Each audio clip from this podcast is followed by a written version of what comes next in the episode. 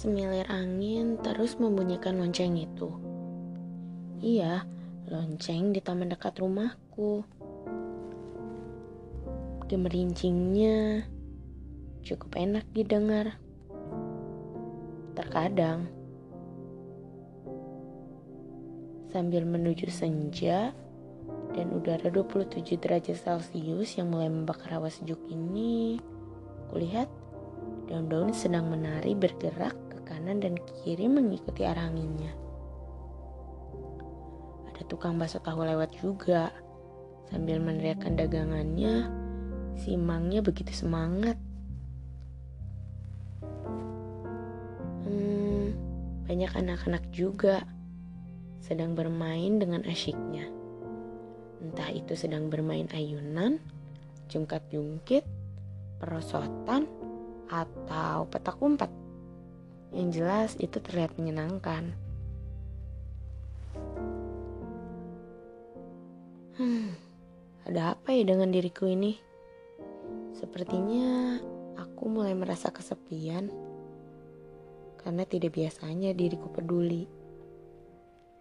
Rasanya aku jadi ingin menyapa dirinya. Ya, teman yang kurasa semakin berkurang, sahabat yang mulai tiada, atau bahkan dirimu yang tak sebenarnya siapa untukku. Katanya sih, saat-saat seperti ini tuh adalah fase jenuh di umur 20-an. Fase itu seperti Fata Morgana ya hanya penuh dengan angan tanpa adanya realisasi. Sungguh membosankan sih di saat seperti ini. Rasanya aku ingin cepat hari esok, atau lusa, ataupun minggu depan. Ya entahlah, aku ingin segera melewati fase ini.